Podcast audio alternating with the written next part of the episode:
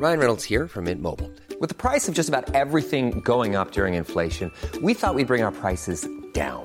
So to help us, we brought in a reverse auctioneer, which is apparently a thing.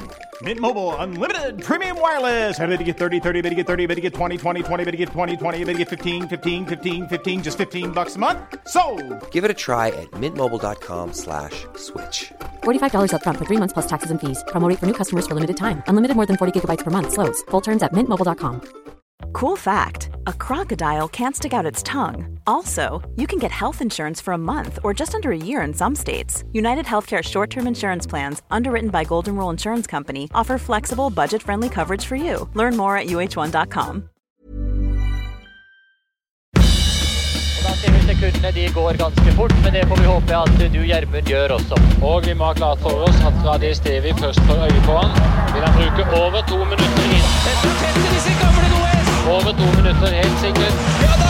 Dette blir revansje for Øystein Pettersen og Petter Northug! De er olympiske mestere i sprintstafett! Har du nå fiksa håret? Er du den type fyr? Så selv om du bare er hjemme med familien og skal lese for Oda, så tar du og kjører noe i håret? Det ser jeg. Nei.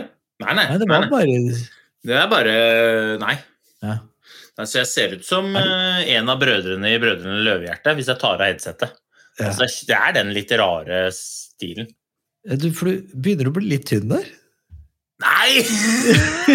det er det verste jeg har hørt. Har du, bare, har du dårlig internett i dag, Hanso, eller hva er det? Det er, det er det. Er det fordi at du har så innmari tjukt skjegg? Ja, men du merker at det er akkurat på hårfronten så er jeg ganske godt dekka. Ja, det ser jeg. Men, men ok. Eh, eh, jeg tror ikke jeg er så innmari tynn, men min far eh, mista jo håret veldig tidlig. Ja. Eh, så jeg har veldig tynt hår. Eh, så tror jeg at eh, jeg generelt har ganske tørr hud. Så jeg har sikkert tørr hud både i huet og ellers på kroppen, så jeg smører meg inn sant, med alskens kremer for å holde meg myk og smidig. Eh, men jeg har, ikke, har jeg tynt hår? Altså? Nei, jeg tror ikke det. altså. Men du får, nå skal jo vi ses veldig snart, så jeg tror neste vi må ta en liten sånn sjekk på hårsjekk. Jeg tror det er en liten rolig en.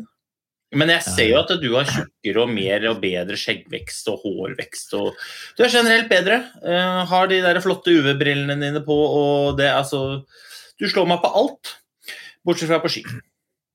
Ok, jaså. Det vet jeg litt tidlig. Altså, jeg tror jo alle forhold like, så hadde jeg nok måttet jobbe litt. Det er jeg med på. Men uh, med en tilstrekkelig handikap, så kan det jo være at jeg eh, at jeg kan yppe meg. Jeg, jeg, jeg føler at det blir spennende å se. Og jeg må innrømme at jeg har ingen anelse selv. Ja, altså Inntil det motsatte er bevisst, så drikker jeg min eh, berømte Kenya-kaffe. Jeg er tilbake igjen på Kenya Ja. med, med trygghet om at jeg slår det. Men eh, ja, jeg skal være så ærlig å si at det på dagens tur, Hanso Ja. Åh, med, da, med værmeldinga for torsdag det, det, det blir ikke noe det, det blir ikke noe surfing over eh, Altså Uansett hvor fort vi går eh, på torsdag, det er mulig å gå fortere. Uansett. Altså, for det blir ikke Ja. noe surfeføre. Det skal jeg love deg. Nei, og Det er jo også bra, fordi det er jo, jeg har jo aldri gjort Birken før, så dette her blir jo min, per definisjon blir det min pers. Um, og det er bra. Da er den enkel å slå, sånn i fremtiden. Uavhengig av hvordan det går. Jeg ser du nyter, nyter kaffen. Jeg, har, jeg må innrømme at jeg, det, blir, det er litt for sent for meg å drikke kaffe, pluss at jeg har, jeg har drukket så mye kaffe tidligere i dag. Jeg, og jeg er på den der, Coop har den Kenya-kaffen som du har snakka om. Den er, den er helt nydelig. Ja, du er på Kenya, du òg nå. ja, ja. Det er, en, det er et notch opp. Det er jo den, den er jo litt dyrere, den smaksserien, men de penga er det verdt. De penga er det verdt. Ja, altså det Jeg har jo sagt tidligere at livet er for kort til å ikke bare liksom yte maks, men det er for langt til å drikke dårlig kaffe. Altså, vi, Ja. Det er så mange kopper kaffe at der er det eh, eh? Jeg har en dyr, fancy maskin. Det er den Ja, ja. beste investeringen jeg har gjort. Og per kopp koster ingenting.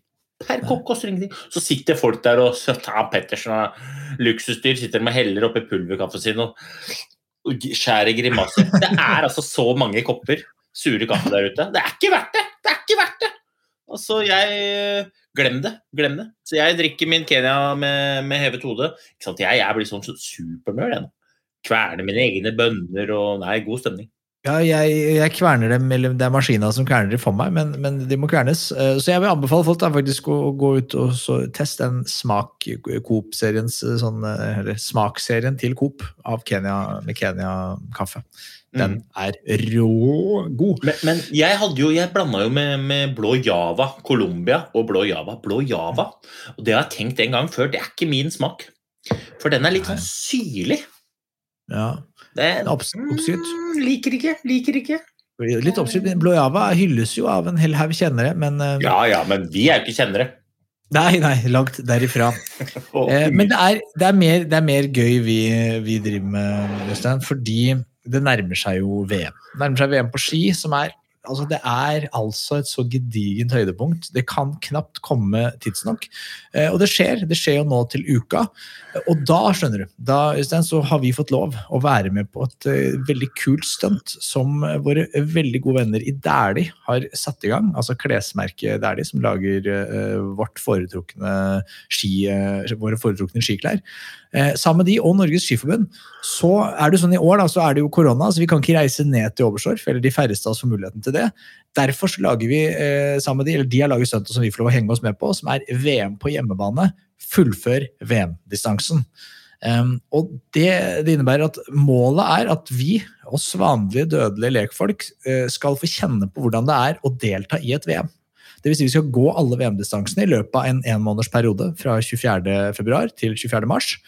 Eh, og for å bli med på det, så må man eh, gjøre det jeg gjorde for noen eh, uker siden. Man må melde seg på, på Strava. Og så må man der gå inn, og der kan du gå inn på, jeg vet ikke om du har merket det, du er jo sikkert en gammel, du er jo rutt i gamet på Strava, du, men kan man, man kan være med på sånne klubber. Ja, ja, ja. Jeg, er- jeg er jo medlem av null klubber, jeg har ingen klubb, ingen vil ha meg med. Eh, Kanskje, Men kanskje Audun kan hjelpe deg? Han som, han som du kaller som folk, som skriver til deg på, på Strava. Auduns gjeng, der, der tror jeg hadde fått lov å være med. Eh, Så der kan jeg sikkert søke om medlemskap. Men det fins en annen klubb som jeg nå har fått lov å bli medlem av, og det er da Dæhlie 365 Training. Um, hvis man går inn der, så vil man få litt tips, eh, og man kan være med og vinne premier, og det er mye gøy. Så, så det er liksom der det, der det skjer. Eh, og det vi, jeg tenkte vi kan bidra med inn, da, det er jo å på informere. Jeg, merker, jeg er så nysgjerrig på hvordan, altså, hvordan er det å gå en VM-distanse? Hvordan er, altså, det er jo de er veldig ulike, disse, disse distansene. Du har jo gått alt. Du har gått alt fra femmiler og eh, 15 km og sprint var du jo veldig god i. Og lagsprint, og du har gjort OL-gull i lagsprint. Altså, du, har, du har på en måte erfaringen, du har kjent det på kroppen. Så jeg tenker vi skal gå gjennom litt de ulike distansene. Vi starter i dag med, med de to første distansene. Sprint og skiatlon. Um, og, og la, oss, la oss starte med sprint. Hva, Ja, kan jeg bare, hvordan før du begynner For er det sånn at man må ha gått i VM? For jeg var jo bare med altså jeg var jo, Det er ikke bare 'Mesternes mester' jeg var med kort, jeg var jo òg veldig kort med i VM. Altså, Ja. Så der, da, har jeg, da må vi ringe noen andre. Men hvis Ja. det er liksom hvordan oppleves det å gå distansen, øh, selv om det ikke er VM, men man later som det er det, så, så kan jeg bidra. Ja, jeg, jeg tenker sånn, for, og Det er ingen av oss andre tror jeg, som, har, som er med i Dæhlie 365 Training som har en ambisjon om å delta i VM. Eh, Veldig få, i hvert fall. Eh, kanskje landslaget, da, som, eh, men utover, utover de. Eh, så, og, så jeg tenker Det er mer det å få følelsen av hvordan det hvordan kjennes på kroppen. Sånn sprint. Bare ta litt raskt. da. Altså, det starter da om morgenen, man eh, spiser en god frokost, og så er man i gang. Varme, varmer man opp før prolog? Ja. Sprinten er jo uh, det som kanskje folk tenker er liksom det uh, korte. Men det er egentlig det som varer lengst. Fordi at det fra vi starter å teste ski, til man forhåpentligvis har gått i mål i finalen, så går det øh, seks, sju, åtte timer. Hæ? Ja, og du er, du er jo stort sett i gang hele tiden. Og det, så, så sprintere blir jo ofte gode på femmil. Ja. Uh, og det er fordi at de er vant til å holde seg i gang veldig lenge. Det er mange sprintere som har blitt gode i langløp. Johan Kjølstad, Jon Christian Dahl, eh, Øystein Pettersen, flere. Og det er fordi at de er vant til å holde på lenge, og så bare skifter de ham, eh, ham og da er det litt lettere å bli god i langløp enn det er å bli god i 15 km. Så eh, det er jo det første. Det varer innmari lenge. Men så har du prologen. eh, og alle disse heatene, det er jo Jeg syns jo alltid at prologen var det verste, for da går du bare mot deg sjøl og klokka. Og, Mm. og du på en måte må disponere løpet helt uavhengig av de, alle, de fem andre heatet. Eh, så det er liksom, med mindre man er veldig god i prolog, så er, for min del var det bånn Johnny. Ja, hvor, hvor lang er en, en sånn sprinterløype cirka? Det skal vel være pluss minus eh, tre minutter. Tre minutter og 20 sekunder kanskje for gutta. Eh, men Ja. så viser vel eh, tendensen, i hvert fall i år, at det har vært bitte lite grann lenger. Da. Men det er sånn rundt regna tre gode minutter med Bon Johnny, og det er ganske lenge. Mm. Altså, det er sånn, det er lenge. Um, men det, det føles jo litt som å løpe disse 45-15-intervallene. Hvis du løper den alt du kan, fordi det er jo litt nedoverbakker innimellom her òg. Så det er liksom av og på. Eh, Men når du er på, så er det over maksimal innsats omtrent. Ja. Og hvis man skal overføre det til f.eks. løping, da, hvis jeg skulle, hatt, hvis jeg skulle måte si at jeg ikke har muligheten til å gå um, sprint på ski, um, så jeg må da jeg må finne et alternativ, hva ville du anbefalt da? Er det uh, løpeintervaller som 45-15 i tre minutter? Ja, eller finne ei løype da, som varer ca. tre minutter. Tre og et halvt minutt. Uh, og så skal du gjennomføre den fire ganger, men du får ikke lov til å spare på kruttet i det hele tatt. Altså, det er flat spiker fra første sekund. Ja. Og så har du ikke lov til å liksom løpe de dragene eh, med to eller tre minutts pause. Du må holde på. Så først må du løpe én gang. Mm. Og så må du varme deg litt ned, og så kan du begynne å varme opp igjen. Og så kan du løpe en gang til etter et par timer. For det er det pausen er mellom prologen og kvartfinalen. Og så avhengig av, og Det er derfor det er så spennende å se om de velger første heat eller siste heat i, i kvartfinalen. Det er derfor Klæbo alltid trykker på heat nummer én. Mm. For at Fra heat nummer én så har han da kvartfinale, nei, kvartfinale to, tre, fire og fem for guttene på å hvile på, pluss semifinale én og to for jentene. Mens de som går i, i kvartfinale fem, Mm. da har jo allerede Klæbo hvilt i 15 minutter, for det er fem minutter mellom hvert heat. Når de starter, og når de går i mål, så har Klæbo hvilt i 20 minutter. Men da har de bare semifinale 1 for eh, jenter, semifinale 2 for jenter og semifinale 1 for herrer å hvile på. Så de har bare 15 minutters hvile før de skal i ilden igjen. Mm. Mens Klæbo han har jo da 20 minutter, han har, han har 30 minutter. Og det er forskjellen. Så Det er derfor de beste trekker i de første feltene. Så hvis du skal gjennomføre en sånn økt, altså, du må jo ha god tid, og så må du like å bli skikkelig sliten. For at sprint er det verste, i hvert fall syns jeg det. Ja, så det er liksom det er bånn bygger. Um, ok, og så er det da Hvordan vil du si det derre er det, det er vel litt lettere å gå i, i heat, er det ikke det? Bruke mindre krefter, eller er det, kommer det litt an på hvor hvor godt du trives i heat? Ja, det, det, jeg tror nok at det er litt uh, lettere sånn Fordi det er litt mer taktikkerier, men det går som regel fortere i heatet allikevel enn i prologen. Og det er veldig merkelig, for du føler at du går saktere. Føler at du, men da har du litt fokus på litt andre ting. Og jeg tror man kanskje går bedre både teknisk og, og taktisk. Så man løser ting annerledes enn man gjør i en prolog hvor det kan være litt sånn hue under armen og bare gå. da, I hvert fall de som ikke er best på det. Jeg eh, havna i den båsen ikke sant, hvor bare du flyr ut og kryper inn, mens i, i heatene så er det ofte motsatt. Prøv å så Ja. lure deg ut, spar mye krefter, og så fly inn i mål. Um, Så ja, men, men det er mange ting rundt spin, sprint som er spennende. Én ting er det fysiske, det andre er jo uh, det psykiske, og så har du det med ernæring. Altså Hvis du skal holde på så lenge, så er det klart at du må fylle på så du har masse energi når du står på start. Men, men du spiser jo liksom ikke rømmegrøt etter prologen. Eller du, du setter deg ikke ned og spiser liksom. Det, det er jo ulike måter man løser det på, men alle de som lykkes, de kommer til start i finalen med nok energi. Men helt konkret, jeg er nysgjerrig på det her. Etter prologen er ferdig, så kler man på seg og sånn, jogger litt ned. Og så hva gjør man da? Man, sitter man i fellesskap? Sitter man inne i en bu alle sammen? Sitter man i smørebussen? Hvor, hvor er man sånn, virkelig, man går i detalj her? Ja, nå, I år så er det jo koronaregler, så nå vet jeg faktisk ikke. Men eh, det norske laget har den smørtraileren. I andre etasje der er løpe, løpebua. Så når løperen er ferdig med prologen, så er det om å gjøre å komme, få i seg mat så fort som overhodet mulig. Få i seg, få i seg energi, da i første rekke karbohydrater. Og så løpe eller gå på ski, bli kvitt melkesyra. Og så har man da litt tid til å roe seg ned. Og da handler det om man sitter og fjaser, eller om noen uh, tar på noe headset, hører på musikk, noen ligger og sover litt. Prøv bare å roe helt ned. Og så må man begynne å varme opp igjen. Teste ski, ta noe drag. og liksom det, det er det, kanskje det tøffe. Da, når liksom, du, du er egentlig ferdig, og så begynner du på nytt igjen. Da er det en ny greie. Og så går det kvartfinalen, og hvis du da går videre der, så holder du deg i gang fra kvartfinalen til semifinalen. Og det samme fra finalen, nei, semifinalen til finalen hvis du går videre. Men hele tiden så handler det om å få i seg nok energi til å prestere, men ikke så mye energi at du må på dass eller at du står der med lavt blodsukker fordi at alt blodet jobber i magen for å fordøye et stort måltid. Så det der er jo en vitenskap i seg selv. Ja. Ok, og så bare, Nå tok det mye lengre tid enn jeg hadde tenkt, men jeg blir så nysgjerrig. Skiatlon. 15 og 30 km. Eh, hvordan, det er noe helt annet. Det er en helt annen øvelse enn sprint. Helt annen øvelse, og det er klart at det der er det jo mye hardere i, i kraft av at du holder på mye lenger mens du går. Eh, Mm. Men intensiteten er lavere. Eh, Og, og det kan jo òg være taktiske løp som gjør at det, det føles ut som en selskapsreise tidvis. Krukset Cruxet med, med å lykkes i, i duatlon er jo å takle stilskiftet. Og det, er altså, det kan være altså så døvt å, å gå fra å ha gått klassisk til å begynne å skøyte. Og selv om du kanskje i utgangspunktet er god til å skøyte, hvis, hvis du har gått klassisk og blitt litt stiv, så kan det Det hjelper i ingenting. Altså, det er noen som bare takler det mye bedre enn andre, og hvorfor det er sånn, det vet jeg ikke. Men de som har lyst til å prøve det, da anbefaler jeg jo enten altså Hvis du vil, så går det jo alt du kan klassisk i, i 40 minutter. Og så bytter du, og så går det alt du kan eh, skøyting i 40 minutter. Hvis ikke du har det tilgjengelig, så prøv å gjøre noe annet. Og hvis du, hvis du da er hjemme, da, Mm.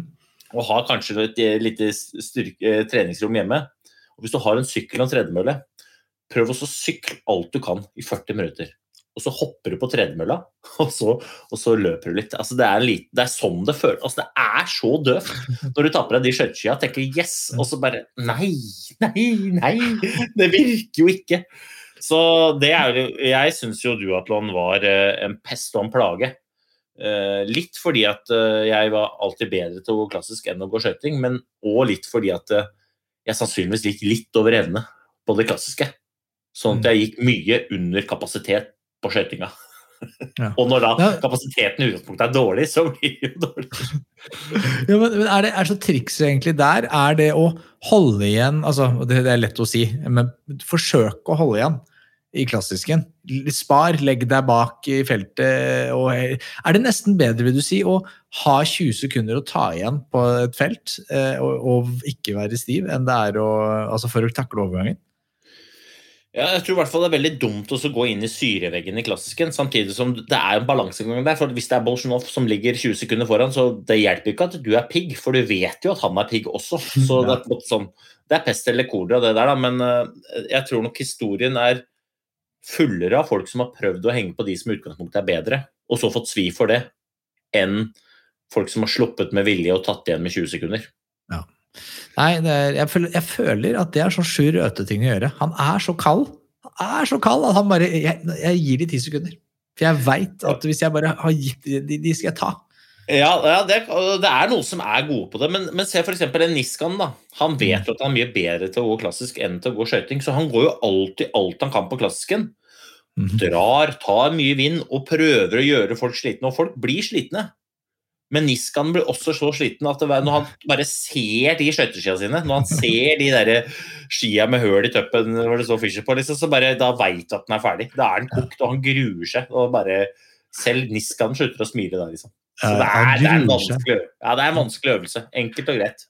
Nei, men så Hvis man skal da, som oppsummere, da, hvis man, eh, det beste er jo selvfølgelig å ha et par skøyteski og et par klassisk-ski. og så er Det å gå 40 minutter er ganske godt, istedenfor å ha sånn kilometer Så nå er det faktisk det som er litt greia her, tror jeg. Vi gå de kilometerne. Det er litt det som er målet. Men hvis man skal ha den, og det, jeg tenker det er litt vår oppgave her, vår samfunnsoppgave er å gi folk eh, de harde fakta og ærlige svar, så er det bedre, vil du si, å heller sette av 40 minutter, for det er veldig individuelt. Jeg kommer jo mye kortere på 40 minutter enn du vil komme på 40 minutter, eh, men jeg tar meg jo minst like mye ut. Ja da. ja da, altså det er fint, det. Ta Eller si 35, da. Si 35 Mm. minutter. Så da, da veit du at hvis du klarer å gi, gi Bon Johnny 35 minutter ganger to med to ulike stilarter, så, så veit du omtrent hvordan det er å gå duatlon i VM. Og så kan man eventuelt da løpe og sykle. Nei, men Det er veldig bra. Så da kan man gå inn på, på Strava-klubben der det er 365 Training og bli med. Vi skal ta for oss de andre distansene i noen senere podkastepisoder. Fordi vi må gå til det som er dagens uh, bulk i dagens episode. Det er Q&A. Det er tid for Q&A nummer to. Og det er altså så mange folk som har venta på dette. Jeg tror faktisk majoriteten av folk helst bare vil ha Q&A. De vil ha en Q&A-pod, og ikke det andre fjaset vi driver med. Eh, og deres bønner jeg har hørt, eh, og vi har fått ekstremt mye spørsmål. Altså Det er uh, veldig mye. mye. Uh, jeg, vi må prøve Jeg tror ikke vi rekker alt. Jeg tror vi må ha en ny Q&A ganske snart. Men vi bare begynner. Vi begynner. Kjør på. Spørs, spørsmål nummer én. Uh, hei, mitt spørsmål er Øystein prater veldig mye om å ta eierskap i det en gjør, om det er å gå fort på ski, eller hva det måtte være. Men hva konkret mener han med det? Er det Eh, F.eks. at man setter seg inn i et treningsprogram og lager noe selv, som man tester, lykkes og feiler. Eh, eh, kanskje google et helt podkast. For å lage sin egen vei og bygge sine egne erfaringer, istedenfor å bare få et treningsprogram av en PT og følge det slavisk. Har jeg skjønt det riktig? Oi. Dette er fra Sondre. Ja, det var, eh, det var, et bra spørsmål. Den kom bardus på. Jeg tenkte liksom litt sånn Er det bra å gå klassisk, så kommer den, da. Men uh, eierskap til det Det jeg mener med det, er at man ikke skal gå rundt og så tro uh, at alle andre kan bestemme hva du skal få til. At man ikke skal gå rundt og være en konsekvens av omgivelsene sine. At man ikke skal gå rundt og vente på den rette sjansen. At man ikke skal gå rundt og synes synd på seg sjæl. At man ikke skal gå rundt og tenke at nei, det får jeg ikke til. Ved å ta eierskap så mener jeg at eh, du må finne ut hva du har lyst til. Og så må du bryte ned hva som skal til for å komme fra der hvor du er, til dit hvor du har lyst til å komme og så begynne å gjøre det. Og det handler om å kikke seg her i speilet og si at men dette her får jeg til. Det er ikke sikkert du har alle svarene, det er ikke sikkert du har det ene, det er ikke sikkert du har det andre akkurat nå. Men hvis du tar eierskap til at dette her skal jeg gjøre på mitt vis, jeg skal gjøre det skikkelig, jeg skal gjøre det sånn at jeg er stolt av det, så kommer du til å få det til. Så det er det jeg mener med å ta eierskap. Og om om det er å lykkes i idrett, eller om det er å lykkes som uh, familiefar, uh, eller om det er å være en god student, eller om det er å bli det ene eller andre Jeg, jeg tror nøkkelen er det samme. Det å ta, ta, det ansvaret for egen utvikling sjæl. Altså, vi lærer jo det på videregående skole. Ansvar for egen læring. Og det føler jeg at det er litt mange som glemmer litt når vi går over i voksenlivet. Ta litt eierskap.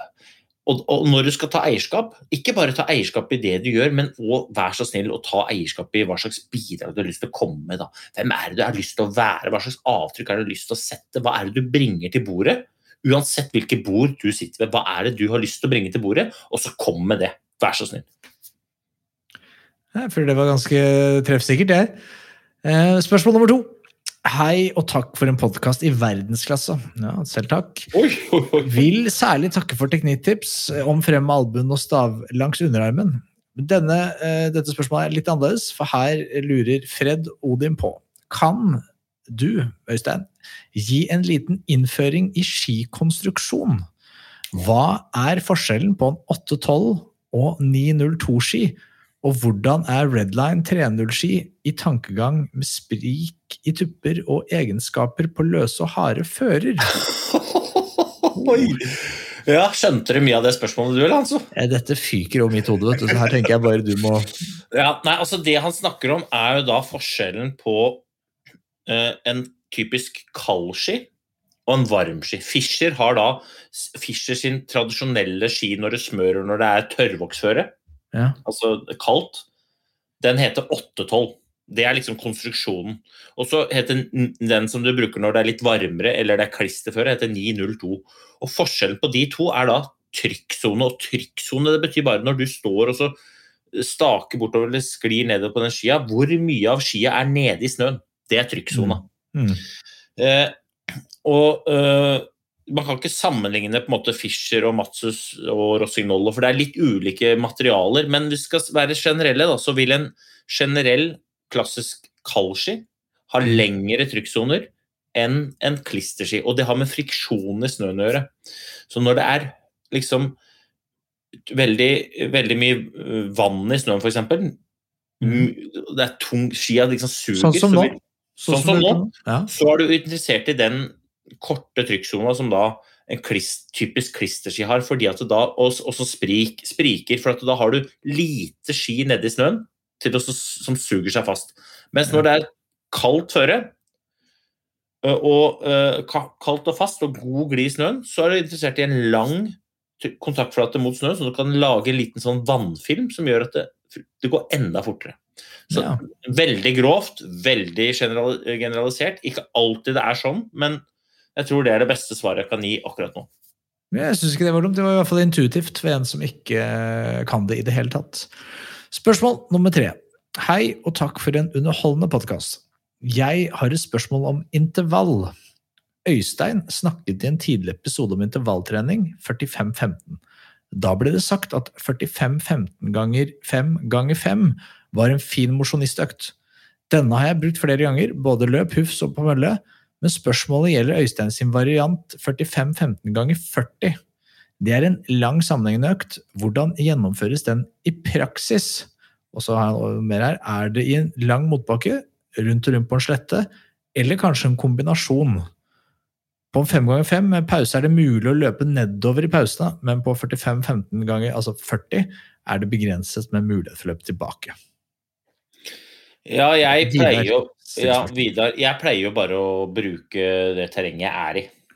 Så hvis jeg, hvis jeg har lyst på motbakke, så prøver jeg å finne en motbakke som er innmari lang. Da. Jeg er jo heldig jeg bor på Lillehammer, jeg kan løpe opp til fjellet. Men man kan jo fint gjøre det i en rundløype også. Det spiller jo ingen rolle. Altså, poenget her er jo å trene pumpa, og det er jo hardt hvis du løper alt du kan. da.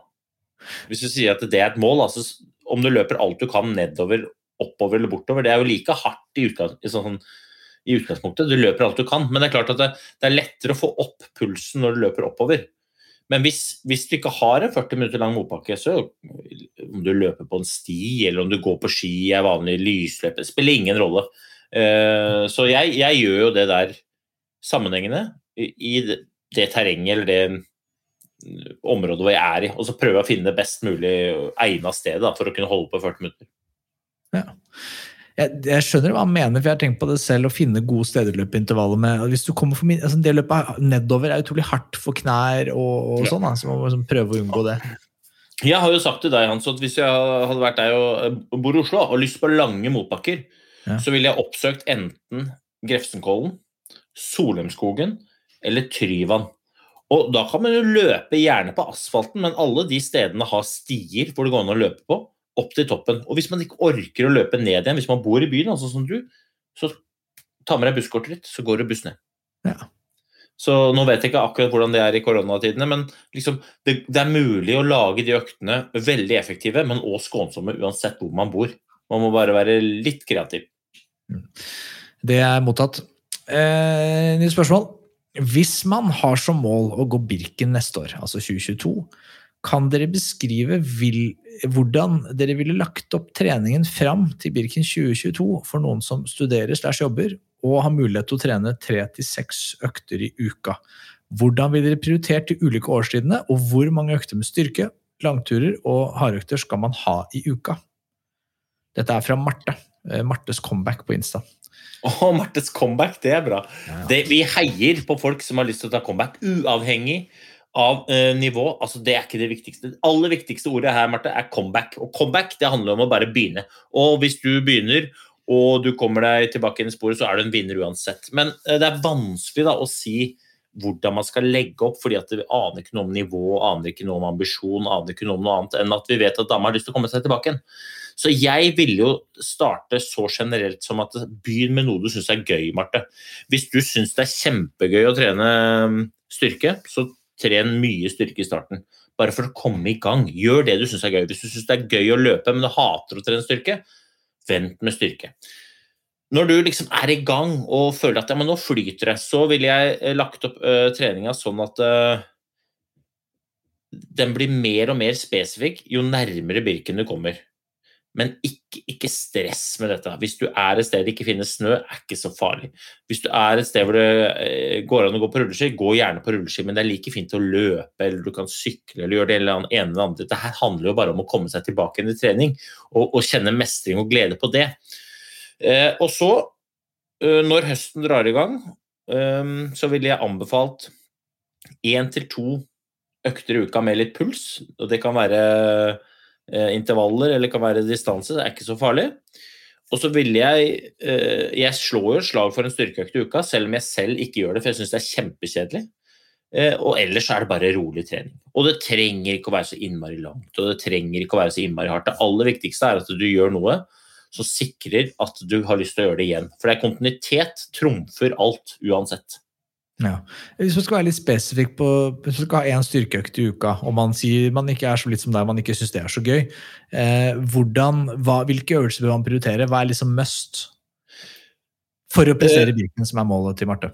Eh, Hvis jeg skal få lov til å være så freidig og så si at vi eh, Altså, nå kommer det, hvis det er noen fysioterapeuter ute, kommer det til å kaste seg på meg og si nei, du må si at det er viktig å trene mage og rygg, og det er viktig å trene mage og rygg, men det kan vi gjøre imellom. Det kan vi gjøre når vi ser på TV, det kan vi gjøre litt sånn histen og pisten. Men hvis jeg skal slå et slag for én styrkeøkt som jeg gjør, og som jeg syns er ålreit å gjennomføre, selv om jeg hater styrke, så skal jeg slå et slag for styrkestak. Og styrkestak det er noe du legger inn når du er ute på tur, enten på rulleski eller på snø. Det kan være f.eks. at du staker opp samme bakke ti ganger, og så kan du gå litt sånn diagonalgang med armene på slettene, men du står stille med beina, så du drar deg bare fram med armene. Eh, og da kan du ha både bøyde armer, strake armer. Det er jo en spesifikk styrkeøkt som jeg syns er veldig effektiv, men òg syns er litt gøy å gjøre. Så jeg slår et slag for styrkestak. Og hvis folk er gira på det, kan jeg godt vise hvordan man gjør det. Filme skal, kan jeg legge det ut. Ja. Det ser kanskje ikke sånn lynintelligent ut, men det høres jo effektivt ut. Nei, men altså, liksom når du Jeg føler jeg på en måte eh, jeg har ikke så mye lenger ned på skalaen etter at jeg traff uh, Ernst Dahl Ersveen på slalåmski forrige uke. Så jeg, jeg, tenker det går greit at jeg viser det. det. Ikke tenk på det. Jeg tar det. Vi må videre. Vi har et spørsmål fra Herman. og Han uh, har et spørsmål om trening som har vært spennende å høre mer om.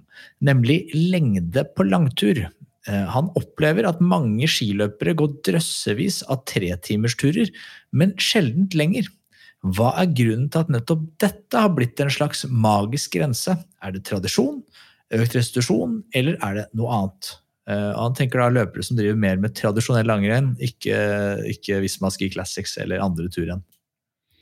Nei, det tror jeg er en eh, kombinasjon av uh, de tingene han nevner selv. Da. Tradisjon er viktig. Altså, jeg selv jeg er vokst opp med at vi møtes på søndag, og da er det tre timer. og Det spiller ikke noen rolle om du er ti år eller om det er 40. Det er tre timer. Ikke et sekund under, ikke et sekund over. Tre timer.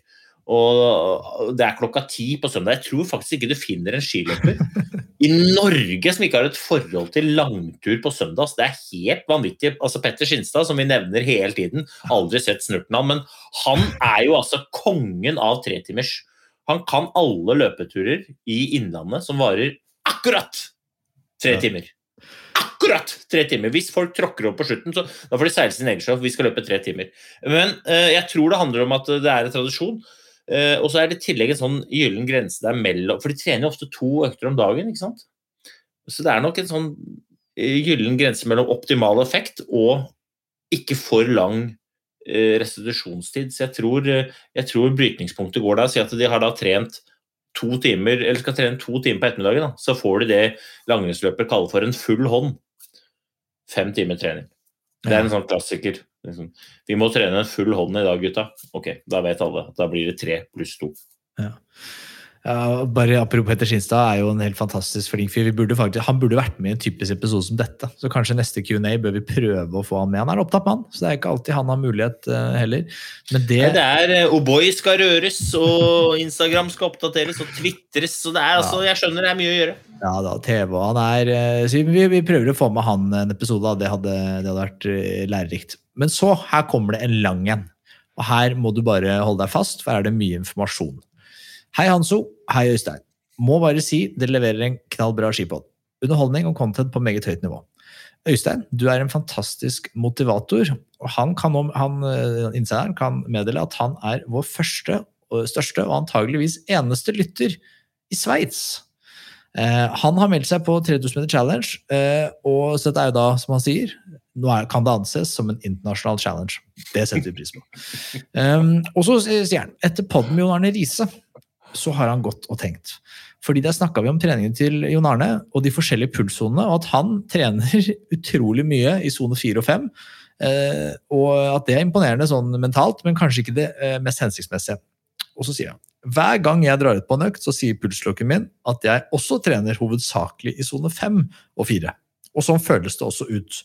Jeg fatter og begriper ikke hvordan man kan holde pulsen i sone 3, 2 eller 1. Altså, som man sier, sone 1, der er jeg jo når jeg tar på meg langrennsskoene.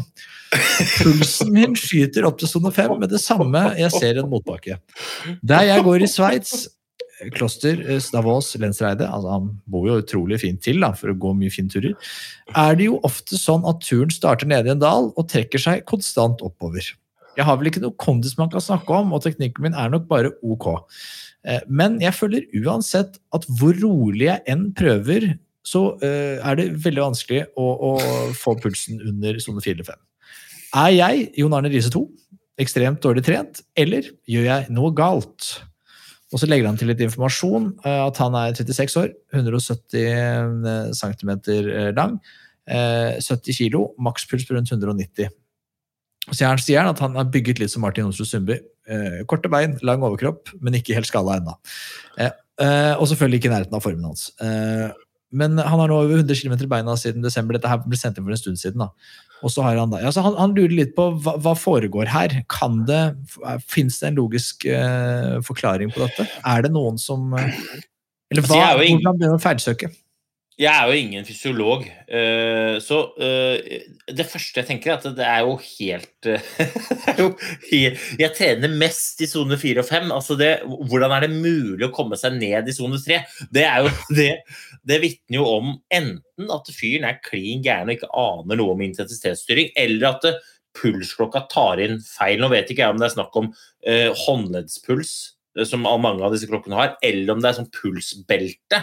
Eh, For håndleddspuls det er en variabel som eh, eh, jeg Hver gang jeg har håndleddspuls, så tenker jeg ikke på pulsen. For den, den, er veldig fin når jeg sitter rolig. Fungerer nesten aldri, uansett hvor dyr klokke jeg har testa. Når man løper, spesielt når man går på ski og det blir så slag. Men så, så kan det være en variabel der, og så kan det jo være at har han, har han satt inn innstillingen på klokka, klokka rett? For at Én ting er jo hva slags puls han har, en annen ting er jo hva slags puls klokka sier at han har. Eh, Eller hva slags sone klokka sier at han er i. Så han må sjekke om han har innstilt de rette sonene. Hvis han har det, så må han jo bare roe ned. Eh, Han, han sier han bor i Klosters. altså Klosters, fantastisk sted. Det ligger jo rett eh, eh, ved Davos, litt lavere enn Davos. Davos ligger på 1500-1600 meter, så Klosters ligger på sånn 1200-1300. Hvis han da går fra Klosters og opp til eh, opp til Davos og så videre oppover liksom, eh, i dalen der, da, så kan han fort havne på 2000 meter. Og der er det ikke så innmari mye som skal til før jeg er oppe og nikker på pulsen. Eh, så jeg vil, jo, jeg vil jo si at eh, du må bare roe ned. Eh, det som da kommer til å skje, er at han føler at han ikke får gå teknisk riktig, f.eks. Hvis du tar og ser på de der, eh, eh, reportasjene som kommer av når landslaget er i Valsenales, Mhm. Og går på Breen altså De går jo Det er jo De bare loffer.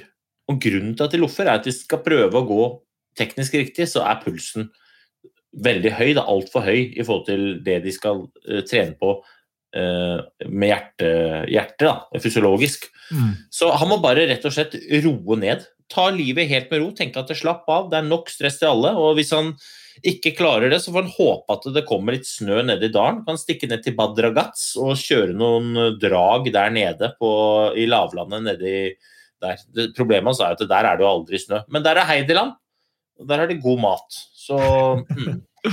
Ok, det er håp for alle. Eh, Det var fra Jens, altså fra Sveits. Vi får sende en hilsen til Sveits. shout-out til Jens. Veldig hyggelig at uh, han får opp lyttertallene der nede. Uh, vi durer videre, vi. Hallois, gutter. Takk for tidenes skipod. Har en teori angående dobbelttak med fraspark, som jeg gjerne vil lufte med dere. Litt i marginal gains-konspir-sjangeren. Min opplevelse er at staking er tøft for overkroppen, mens diagonal er hardt for beina.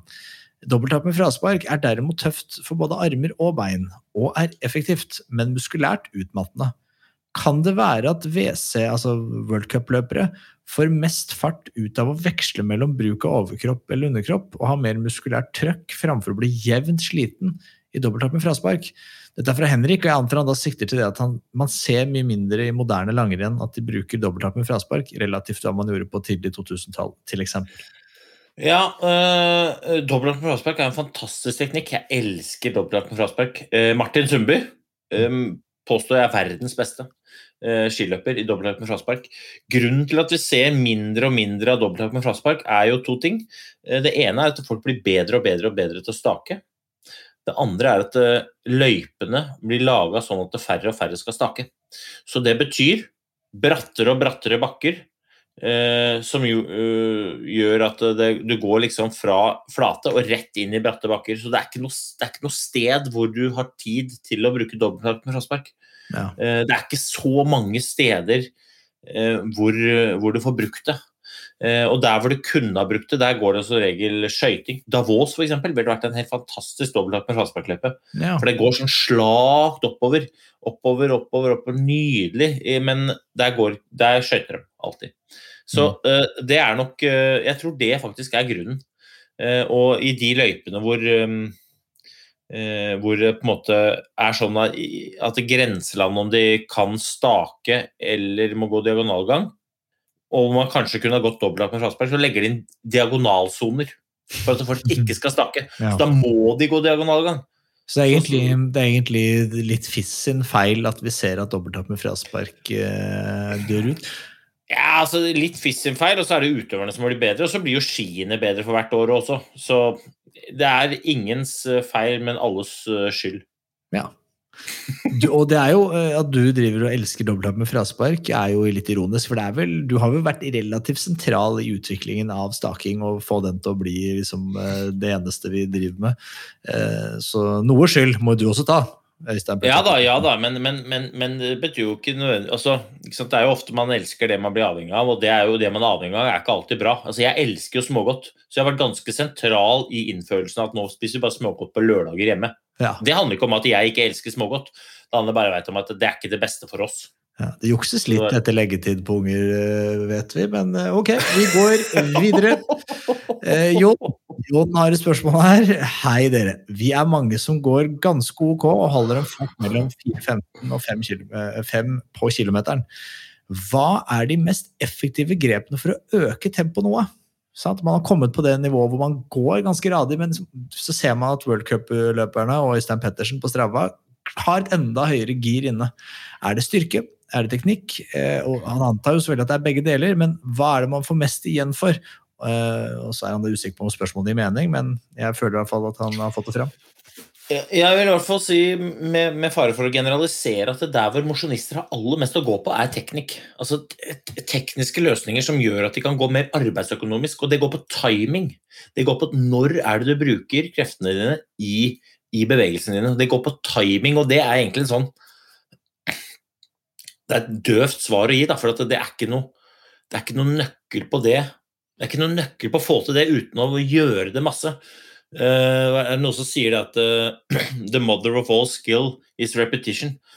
Du må bare gjøre det nok ganger til at det, den timingen sitter. Men eh, jeg tror at veldig mange hadde tjent veldig mye sekunder på å få litt hjelp på, på teknikken og på timinga og på, uh, på for å forbedre arbeidsøkonomien. For da kan du få brukt de kreftene man har, bedre. Så, så det er nok det raskeste svaret. Og så er selvfølgelig han er helt riktig at det er både styrke og sannsynligvis utholdenhet og, og, og kanskje litt utstyr. Ikke undergrav utstyr. Eh, for jeg ser jo at mine mm, Strava-tider de blir jo vips ganske mye dårligere på slalåmski. De gjør det, og jeg, ser du mine Strava- Strava-tider, de ble bedre når jeg fikk meg et nytt sett eh, ski av, eh, av Matshus eh, og Matshus utsendte mann der. Så det, det, det hjelper, det, altså. Det glir bedre med godt utstyr. og det, jeg, jeg tenker så Er det bare placebo? Er det bare min egen liksom Men jeg tror at det er en grunn til at man, de raskeste går på det raskeste utstyret også. Ja, altså, det, altså ski altså, det er altså så Husk at Norge kom bak Frankrike i stafetten i OL Ja. i, i, i Sotsji. Altså, og det er ikke fordi at eh, Norge var noe dårlig, men var, vi bare stilte på start med eh, det vi kan nå si for slalåmski. Altså, vi var ikke i nærheten. Glem det. Ja. Ski er viktig, men det er mye skiglede i gode ski. Altså, Absolutt. Ehm, og så er det et spørsmål til her. eh, et treningsspørsmål. Hei, har akkurat blitt lurt med på å gå Marcialonga i 2022. Eh, Der håper vi at vi ser vedkommende. Oi, I hvert fall, hvert fall på pastafesten. I hvert fall på partyet. Etterpå. Der skal, vi, der skal vi levere. Har gått litt, men suger i diagonal. Helt, helt ok på staking. Trener fra fire til syv timer i uka. Burde jeg fokusere mest på staking, med tanke på Marcialonga, eller satse på random trening? Eh, Hvordan burde jeg legge opp fram til 2022? Eh, Og så, tusen takk på forhånd, og så legges det til, Øystein, stå på den gode jobben du gjør. Det var hyggelig. Jeg har glemt å notere navn, det, det beklager jeg. Ok, ja, men det var jo hyggelig. Men uh, Marcialonga er jo et fantastisk skirenn uh, hvor det er mye staking. Du går jo de første to milene opp til Canessai. Er jo uh, litt oppover, men det er mest staking. Det som er i diagonal, er jo at uh, massene da. Jeg eh, antar at denne personen stiller i klassen massene. Mm. Og massene opplever ofte litt trafikkork. Så hvis denne altså Det er veldig god trening å trene mye diagonal, men sannsynligheten for at du får brukt i Marcialonga er ikke så stor. Fordi du går sannsynligvis i kø oppover. Og så er liksom den korken den løsner når du begynner å nærme deg kan jeg si, opp i toppen. Ja. Så det er staking som avgjør eh, eh, stakeferdighetene dine som avgjør eh, i største grad prestasjonen i Marcialonga. Men det er ikke noe dårlig Du blir ikke noe dårligere av å, til å stake av å gå litt diagonalgang i ny og ne, men jeg vil ikke satse alle korta mine på det, for da vil du irritere deg enda mer over disse italienere som går på tvers og prøver å gå forbi på plasser hvor det ikke går an å gå forbi, selv om alle ser det, så prøver de likevel. Så ja, stakk. Hei. Jeg har et spørsmål til podden, nærmere bestemt til Øystein. Eh, Jeg har kjøpt meg skøyteski. Og det er bare så det er nevnt, da, vi, vi har fasa det litt ut her, for det er utrolig mange spørsmål om skøyteteknikk, og, og til de så sier vi vel at vi, det kommer en skøyteteknikkspesial eh, før eller siden, og kanskje nå snarere før enn en siden. Men dette spørsmålet dreier jeg ikke så på teknikk. Eh, når jeg skøyter eh, eh, og skal løfte skiene tilbake i posisjon, eh, så tapper jeg tuppen av skiene nedi snøen når jeg skal løfte den fram. Hva kommer det av? Jeg gikk for 1,91-lengde istedenfor 1,86, da selgeren sa jeg kunne bruke begge deler. Er det lengden på skien som gjør det, eh, eller kan jeg gjøre bevegelsen annerledes? Dette er da fra Johan. Oi, ja, det er vanskelig. Altså, når skien eh, liksom det, det jeg hører, er at han, når han er ferdig med å sparke så, og skal føre skia tilbake igjen, så, så henger tuppen litt. Eh, og, og det kan jo eh, Det kan jo skyldes mange ting, det. Eh, Det kan jo òg være at han har bindingen litt feil i forhold til hvordan ski er balansert. Prøv å flytte bindingen eh, enten framover eller bakover, bare for å se om du har bindingen i det vi kaller for balansepunktet da, på skia. sånn at det, på en måte, For det skal jo egentlig ikke skje hvis du dytter skia, sparker fra skia og flytter- den tilbake, så skal den jo henge, henge, føre med seg skia uten å vippe. Men det kan jo òg være at han er flink til å sparke fra og ha lange skyv og sparke fra med tærne helt til slutt. For hvis du sparker fra og løser ut med tærne Petter. Northug var veldig god på det. Så, så får du et lengre, lengre skyv, men det vil jo òg føre til at skia sklir litt. Eh, en annen ting som kan være, er jo at det, hvis du gjør det, så er det lett at hofta blir rotert. og med det så mener jeg at Idet du er ferdig med å sparke, så svinger du litt på hofta, sånn som man gjør i klassisk. Og Det vil føre til at skia henger litt. Så Du kan prøve å ha fokus da på å stabilisere hofta idet du er ferdig med, med frasparket. Og Det er litt sånn vanskelig ku å tenke på, men der skal jeg gi dere et et konkret tips, eh, kjære lytter. Idet du sparker fra, si at du sparker fra, du sto, sparker fra på venstreskia, da. Idet du er ferdig med å sparke fra, så tenk at du skal dytte kneet ditt tilbake med en eneste gang. Dytt. Idet du sparker fra ferdig, så tar du kneet ditt framover med en gang. For da holder du, da holder du en veldig stabil posisjon i hofte og overkropp. Ved at du drar kneet ditt tilbake igjen. Da, blir, da får du fokus på det istedenfor å ha fokus på den tuppen der ute. Og det kan føre til at du er mer stabil i kroppen, som kan føre til at skia ikke henger.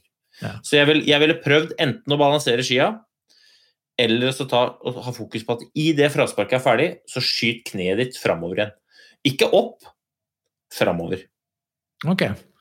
Eh, Så du tror ikke det er lengden på skiene som er problemet her? Hvis du skal på en måte svare direkte på spørsmålet hans? Nei, det tror jeg ikke. Det tror jeg ikke. Nei. Og øh, øh, den lengden på skiene, sånn 1,86, øh, 1,91 Det er liksom, det er, har ingenting å si, egentlig. Eh, Det har ikke det. Vi, vi rekker nok ikke alle spørsmålene, ser jeg, som jeg hadde valgt ut. Her, eh, det var mange, men jeg tenker vi tar resten etter vi er ferdig med etter vi er ferdig med, med Birken Challenge, som er litt på, på agendaen neste uke. og Etter det så tar vi resten her, så vi deler denne Q&A-en to. Vi tar kanskje et aller siste før vi tar inn dagens gjest. Dette ser ut som en korthet. Dette er fra Niklas, en eh, svensk venn av podden C. Han sier en fråga om prestasjon.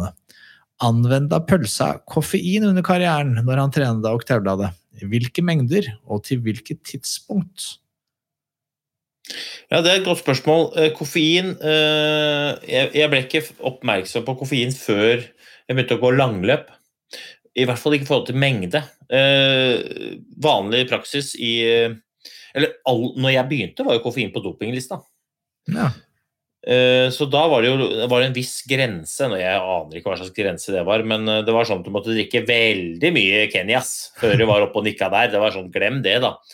Men så ble det fjerna, og så er det vanlig praksis at man får kaffe og cola på slutten. Det er litt for å få sukker, litt for å få noe annet og litt for å få koffein. For så fikk vi det på slutten av femmila f.eks. Ja. Men vi tok jo det altfor seint, for koffein bruker ca. 40 minutter ja. før, du, før, du, på en måte får en effekt av det, når du er ute og gønner alt du kan. Eh, så når jeg begynte å gå langløp, så begynte jeg å eksperimentere, og da begynte jeg å kjøre på. Da eh, kunne jeg bruke Eh, jeg brukte enten Fuel of Norway eller Maurten eller SIS, sånne geller med koffein i. Og stort sett så har de 100 mg koffein i seg. SIS har en sånn dobbel espresso med 250 mg koffein. Men da, og jeg tok jo ofte tre sånne gel i timen, så da kunne jeg gå på 300 mg koffein per time i Vasaloppet f.eks. Såpass, ja. Ja. Når, du, når, du, har høy forbrenning som du har under et løp sånn, av sukker, det, gjelder det samme for koffein? Forbrennes koffeinet like raskt? Eller? Det, vet, det vet jeg faktisk ikke. Nei. Det vet jeg ikke. Og koffein det, det, virker jo veldig forskjellig. Hvis du er vant til koffein, så må du ha mye store doser. Hvis du ikke drikker noe kaffe i det hele tatt, så trenger du lite doser. Så det vet jeg ikke, men det var det jeg gjorde. Jeg hadde aldri noe problemer med, å, med noen skjelvinger eller at jeg fikk høy hjertefrekvens eller det ene eller andre, men det hendte at jeg ikke sovna med en gang jeg kom i mål. ok, det, det, var det vi rakk av Q&As for denne gang. Så tar vi da resten om et par uker. Så, så det, da er det mulig å sende inn flere spørsmål. Eh, gjør det, for det er veldig gøy, og jeg er veldig lærerikt. Ja. Um, og, og... og, vi skal få inn folk som er enda mer kyndige enn meg, altså. Det, til å svare. Så det er gøy. Men nå, nå... veit du hvem vi skal snakke med nå, eller? Ja, ja, det her, altså, dette har, vi skulle jo egentlig bare ha en Q&A i dag, men, men altså, jeg når du, Vi snakka om det, og så prøvde vi oss eh, med å få tak i dagens gjest. Eh, han heter Markus Kramer. Han er trener for det russiske laget. Mine damer og herrer, velkommen inn i det russiske skilaget. What kind of complicated things you sent me? Start session. Start session, yes. Yeah, I try. Men vi, vi, kan ta det sånn, altså, og så må du intervjue han. Yeah, but uh, if you have problems, Mark, uh, Marcus, uh, yeah. I, I, can try to take a short um, interview from you, if that's okay with okay. you. Yeah, yeah. Is yes. that okay? Yes. I, I also have a partner here, a partner in crime. His name is Hanso, but uh, you cannot see him, and he cannot, or and -huh. you cannot hear him. But um, okay. Uh, don't bother him. We are the two smart guys here anyway, so no worries. okay. okay? I, I know. Uh, okay, er, det, er, det greit, Anso? Hva, hva, er, det du, er, det noe spesifikt du lurer på? For når jeg og Markus drar av gårde nå, så kommer jeg til å bare kjøre. Igjen. Altså, jeg er jo veldig, som jeg nevnte, veldig nysgjerrig på hvordan det fungerer med de to lagene, og hvor mye kontakt er mellom de, hvor ofte de trener sammen, eh, og hvordan det ja. fungerer, hvordan de organiserer det. Det er jeg litt okay. nysgjerrig på. Ok, I, I will start first because um, um, my, my uh, podcast mate here, Hanso, he's wondering because every uh-huh. time we watch um, every time we watch um, a, a, ski race um, on NRK, uh, Torgay and yes. Jan Post, they are talking about uh, the Russian team and their organization. You have two different teams, right? we have uh, three different teams in the Russian uh, national team. So we have um, it's uh, one group is my group, of course, Yep. uh, with uh, with seven athletes. So I have uh, four uh, men and three girls. And then we have the group with uh, the coaches Yuri Borodavka, Yeah. and it's uh, athletes like uh, Bolchunov, uh, Shavodkin, Spitsov, uh, uh, Terentiev, and then it's Nepraeva and uh, and and mm, one young girl is Domina. So these two groups are mixed groups, and then we have one group. Uh, the coach is Alek Perivochikov and this group is uh, with uh, with uh, Andrei Lakov, with uh, Ikimushkin, with Melnichenko, uh, and Semikov. So this this three groups we have in in the in the national team, and these three groups we uh, have uh, yeah different training camps. And uh, but when it starts with the World Cup, then we all together. So then we have, we are one team. Okay. We can say.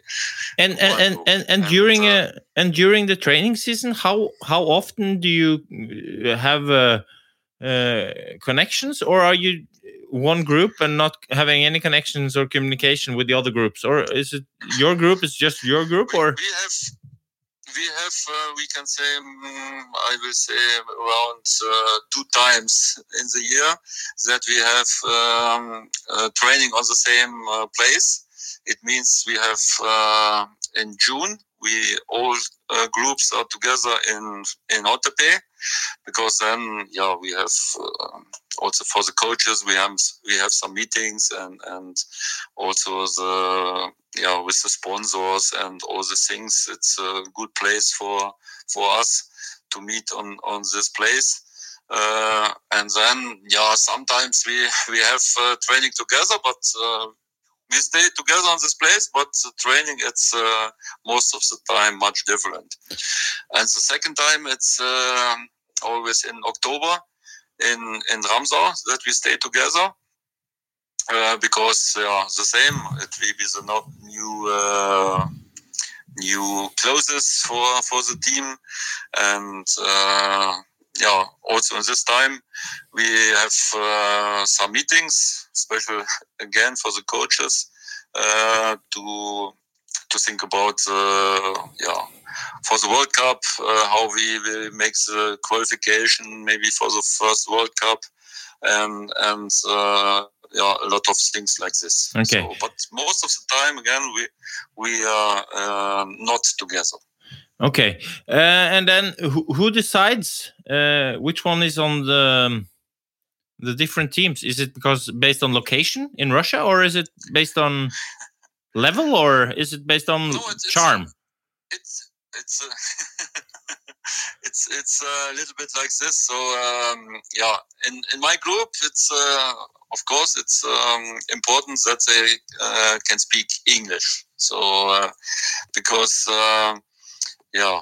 In our group, communication it's uh, English language, and uh, this is uh, important that they can speak a little bit, or that they also learn uh, or try to learn uh, English language that we have can yeah communication together or and um, then yeah also you know it's um, I think Elena Vielbe has a good feeling uh, for this and and uh, she know okay maybe this uh, girl uh, is better for this group because uh, she is um, can be a good sprinter. And uh, we have with for example with Tupac uh, um, she can work together or it will be good sparring for this girl, woman.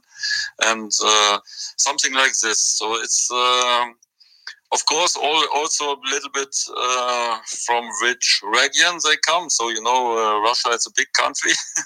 And uh, for example, the um, one coach, this Alek Berevochikov, he is uh, yeah, from one place far away in, in Russia.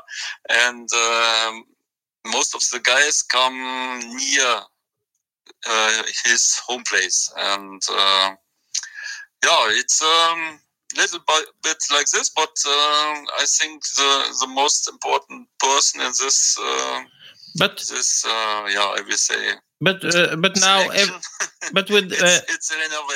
Yeah okay so is it Yelena Welbe who decides who goes um, or who gets to participate in World Cup and World Champs or does the coaches have anything to say No, who has the final this Is word the coaches. Yeah. Okay This is the coaches. so then you uh, are must arguing and yeah, we have a good good communication uh, with uh, with other coaches. So uh, with this uh, three guys, I will say, and uh, sometimes you know when we are not uh, in the same direction and we have not the same opinion, then uh, Elena Welbe is uh, that she say, okay, then we will do in this direction. So and you know sometimes it's good when you have one person a little bit from outside yeah who who who decide. But uh, once again, I must say, uh, um, special by Elena, she she I I think every time she know every athlete in Russia. I, I know it's not possible, but uh, Yeah, she really know uh, all uh, or most of the athletes in Russia because she travel a lot around in Russia and uh, try to build um, good sports schools. Uh, good, try to find good coaches in each uh, region, and, and so she know when uh, some athletes come to the national team, or hopefully will come, that she know a little bit. Okay, I think this athlete will be good in in in this group, and uh, next athlete better in this group. And uh, but also some sometimes athletes come uh, to her and and ask, "Oh, Elena, is it possible that I can train in the group from Marcus, for example?" okay Uh, maybe and maybe that's one of the she- and then she speaks with me and asks Marcus, "What do you think?" Because maybe this girl has a good future and because she is a good all-rounder or something like this. So uh, yeah, she do for me. She in this direction she do really really good. Maybe, maybe it's one of the um, uh, uh, one of the um, positive sides of smoking. I don't know. Maybe one of the benefits from smoking. But I have a question uh, because you were talking about um, arguments uh, when uh, Belov Yes. and uh, who was uh, Belov and uh, Shervotkin was it? Who had the crash in in the Tour de Ski? Is it is it uh, Jelena Welbe that goes in and uh, cleans up the mess, or does uh, uh, Shervotkin and Belov uh, decides have a battle at the room or They decide uh, by themselves. Uh, okay Uh, no, it was, you know, it's. I think you, you remember also a situation maybe in, for you for yourself and the in the Norwegian team that you have a crash with uh, you know with another guy and then uh, you know me Marcus Marcus it was never my fault never, yeah, yeah. okay of and never. And then, of course, always someone else, always someone else. Uh, And most of the times they were from Sweden, always, always from Sweden. Jesper Modin, he was so tall, always Jesper Modin. He was always in the way. He was so tall, he could never be in outside anybody's way. It was impossible. Okay, Uh, I we have a uh, question. I, Uh, one more question, uh, I remember. I remember. I remember this direction. yes, yes, yes, Jesper. Always Sweden. Yeah, I, Oh. I remember very well. and and um, it was really, uh, it, you know, it was uh, okay. And, uh, and when they come to the finish, the emotions was very high. And, and but uh, then they, they spoke together in, in the afternoon and then shake hands, and uh, then it was good. Um, but yeah, of course, it's it's always not nice when it's happens uh, with two athletes from the same nations. But you know, when when at the end everybody fights uh, for for themselves, for himself, for for to try to go to the podium. It doesn't matter if it's uh, when you fight against Russian or because when you have a strong team, you know this from Norway. Then, Yeah. then it's it's uh, also you must be show your best results. Uh, It's not easy. of course. Uh, but um, here in our podcast, we have a favorite. We have a favorite, and this one is uh, uh, one of my all-time favorites. It's uh, Sergei Ustyugov, and I wonder because uh, we see Sergei. Sometimes he's awesome. He's the best skier out there. Sometimes he's terrible. But every time I see him, I wonder.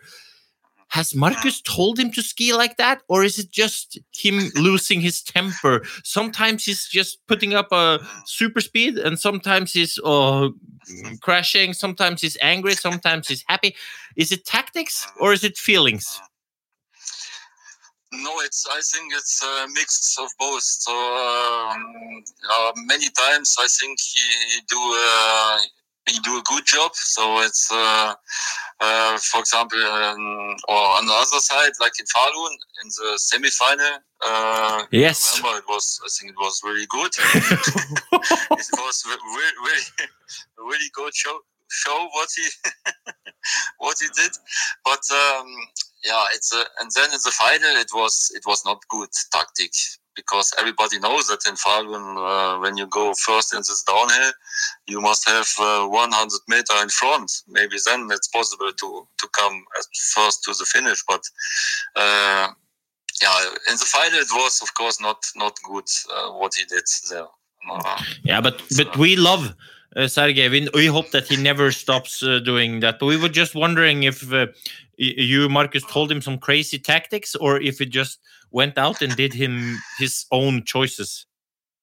No, Yeah. it's uh, yeah, you know, you can speak um, about tactic, but then uh, of course they must decide by themselves what what they did. But uh, uh, yeah, Yes. many times or once again, many times he, he did very good, but uh, sometimes yeah, he do not a good job with uh, tactic. But- uh, so, uh, but for example, in it was uh, because he sits nearby me here, Kleb Tivik, uh, in in Ulricehamn. Then before the final, I, I call these guys and say, okay, now we have two two athletes uh, from my group in the in the final. Now I want to see that some of you will be on the podium, uh, minimum one of you, and then we say, okay, Sergey, you try to go full speed and uh, maybe it's possible to come to the finish and we're not then we have the second guy with with uh, that hopefully he can be uh, do something on the finish line. And and then okay he was second. It was good but yeah I, I think it's um, especially in the sprint it's it's good. You must you must speak about tactic and and uh, maybe we try this maybe we try this on the other direction but uh, of course at the end they they must decide by themselves what they do. Yeah, and and uh, I was scrolling um, social media, and I saw that Team uh, Britain they posted a video of uh, yesterday's training session in Oberstdorf, where some skiers were having a sprint uh, test race, and I saw yes. that in in the clip there was a bear from Russia with no hat. He was sprinting and he was leading. Is Sergio Hugo in sh- good shape? Yes, yes. 'Kay. Of course, he, I I'm sure he's in a in a good shape. Uh, it was um, um, yesterday. Yeah, you know when when you in the qualification, you have some guys like Pellegrino and and Klebo and and uh, uh, of course uh, Ustugov. And yesterday it was like this that uh, these two guys, Pellegrino and Ustugov, was uh, some seconds in front of the others in the qualification uh, and and then okay we we, we did only two heats uh, but yeah in yesterday it was also yeah to try yeah you know this long uh, finish Yeah. it's uh, it's very very long it's i think 200 more than 200 meter and and so you saw that uh, these guys yesterday tried to to find a good tactic for for the for the next week. So uh, because I think especially this finish, it's very very important. Uh, so it can it can be changed a lot of of things in in in this uh, long finish line. No, that's, So, that's for yeah, sure. it was interesting to see yesterday. Nice. We are so looking forward to the world champs, and uh, um, we are of course hoping for a Norwegian goal, but we are hoping also that uh, the Russians uh, will beat the our Swedish uh, Swedish gears uh, every day. But now, This is Oscar Svensson, yeah. oh la la, he's good. Yes, but uh, here we will we will wrap up this uh, with um with um, a series of questions, and you need to answer very quick, and and just Okay. and, and, and just one uh, name. And I want you to name the winner of each competition in the World Champ. So I will tell you the, the distance and you will tell me the winners. Okay? Okay. So first we start off with the sprint. Who is the winner in men and women? Um, men Ustjugov, Yes? And by by the women uh, Lampic. Okay. And then we have the skiathlon. For Bolchunov, and by the woman uh, Johaug. And then we have the team sprint Uh, Russia, of course, in both. in both. Oh, oh sure. And then we have 10K and 15K. Uh, 15 skating. Um, I'm, I think, Schuhe Röte. And by the woman, uh, Julia Stupak. Hmm. And then we have the relay, men and women. Uh, yeah, um, okay, woman will be um, Norway, and by the man, Russia. And then we have the final day, 30k and uh, 50k. 30 Classic, of course, uh, Johaug. And the 50, Bolchunov. Ooh la la.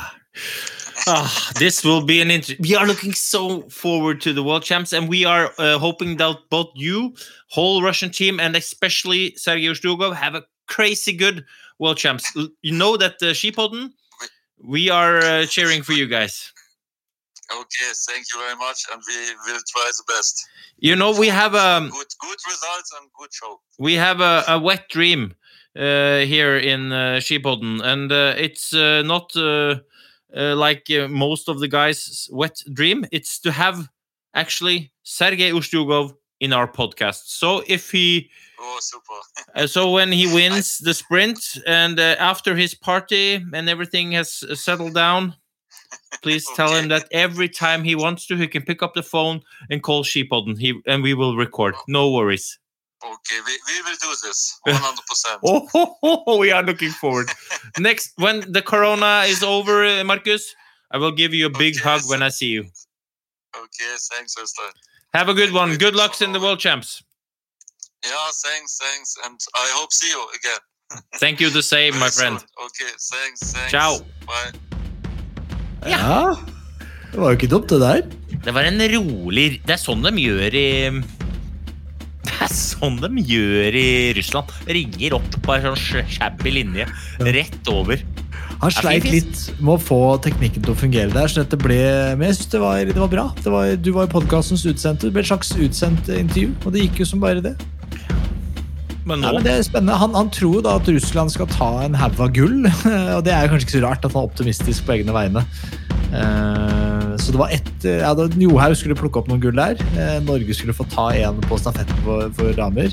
Eh, og så Sjur Røthe snek seg inn som en joker der på 15K. Eh, utover det så var det mye russisk. Men det blir spennende. Jeg tenker Vi har halvpatt en lang episode. Vi fikk Markus på til slutt. Det var jo det viktigste. Så er det vel ikke noe annet å si Øystein, at vi ses på torsdag. Vi ses på onsdag, rett og slett. Vi ses på onsdag kveld. Jeg gleder meg enormt mye. Jeg gleder meg til deg, jeg gleder meg til Jon Arne. Eh, altså, Det kommer til å bli utrolig moro. Og Vi kommer til å få testa oss, vi kommer til å få kjørt eh, oss i senk. Og så skal vi ha det jævlig gøy, da. Det blir guttetur. Ja, og så har jeg en liten sånn våt drøm. Så nå er det, nå må vi mobilisere. Fordi at vi skal gå denne Birken-challengen. Vi starter, Første start er på Rena. Vi har ikke helt øh, avklart hvem som starter hvor, når, hvor, eller hvor har vi jo Rena. Men det er torsdag klokka åtte. Og jeg veit at det er mye folk på Sjusjøen. Jeg vet at det er mye folk på Sjusjøen. Fy søren, noe gøy hadde det ikke vært hvis det var noen fans når vi kom på felleski, stakeski og slalåmski til Sjusjøen. Vi trenger litt hjelp, folkens! Det er riktig, det. Så vi går altså fra klokka 08.00 er det førstemann som starter. Det er sannsynligvis meg.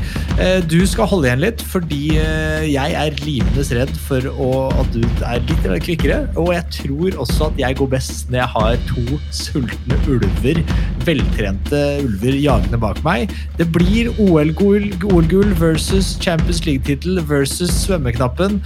Hvem vinner? Vi vet ikke. Eh, Det er bare å si eh, lykke til, Øystein. Ja, og neste episode, da får dere vite alt. Da får dere vite alt! Ja, ja. Ok, ha det!